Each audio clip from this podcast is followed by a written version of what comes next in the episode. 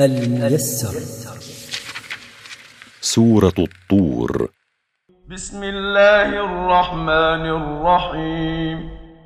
فذكر فما أنت بنعمة ربك بكاهن ولا مجنون.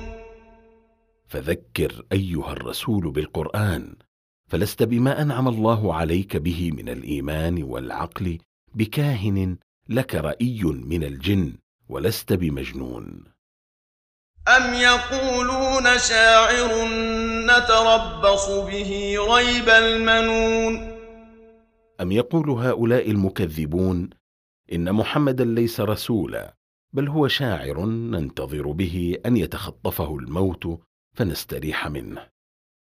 قل تربصوا فإني معكم من المتربصين.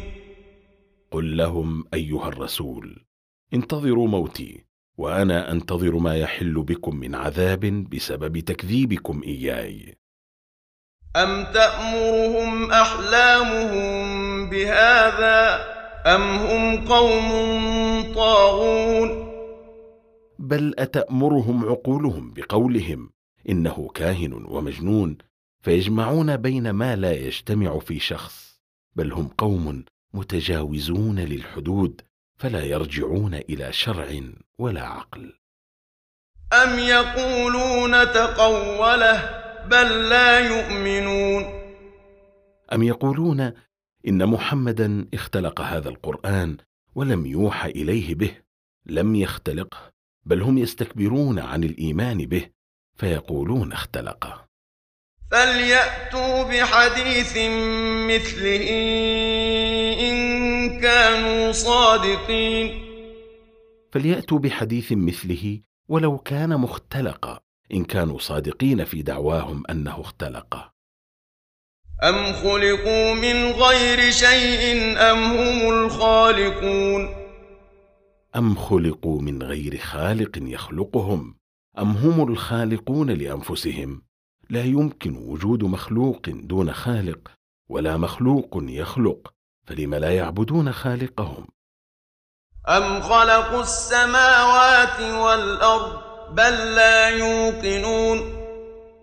أم خلقوا السماوات والأرض بل لا يوقنون أن الله هو خالقهم إذ لو أيقنوا ذلك لوحدوه ولا آمنوا برسوله. أم عندهم خزائن ربك أم هم المسيطرون أم عندهم خزائن ربك من الرزق فيمنحوه من يشاءون ومن النبوة فيعطوها ويمنعوها من أرادوا أم هم المتسلطون المتصرفون حسب مشيئتهم أم لهم سلم يستمعون فيه فليأت مستمعهم بسلطان مبين أم لهم مرقاة يرقون بها إلى السماء يستمعون فيها إلى وحي الله يوحيه أنهم على حق فليأت من استمع منهم إلى ذلك الوحي بحجة واضحة تصدقكم فيما تدعونه من أنكم على حق الميسر مركز تفسير للدراسات القرآنية.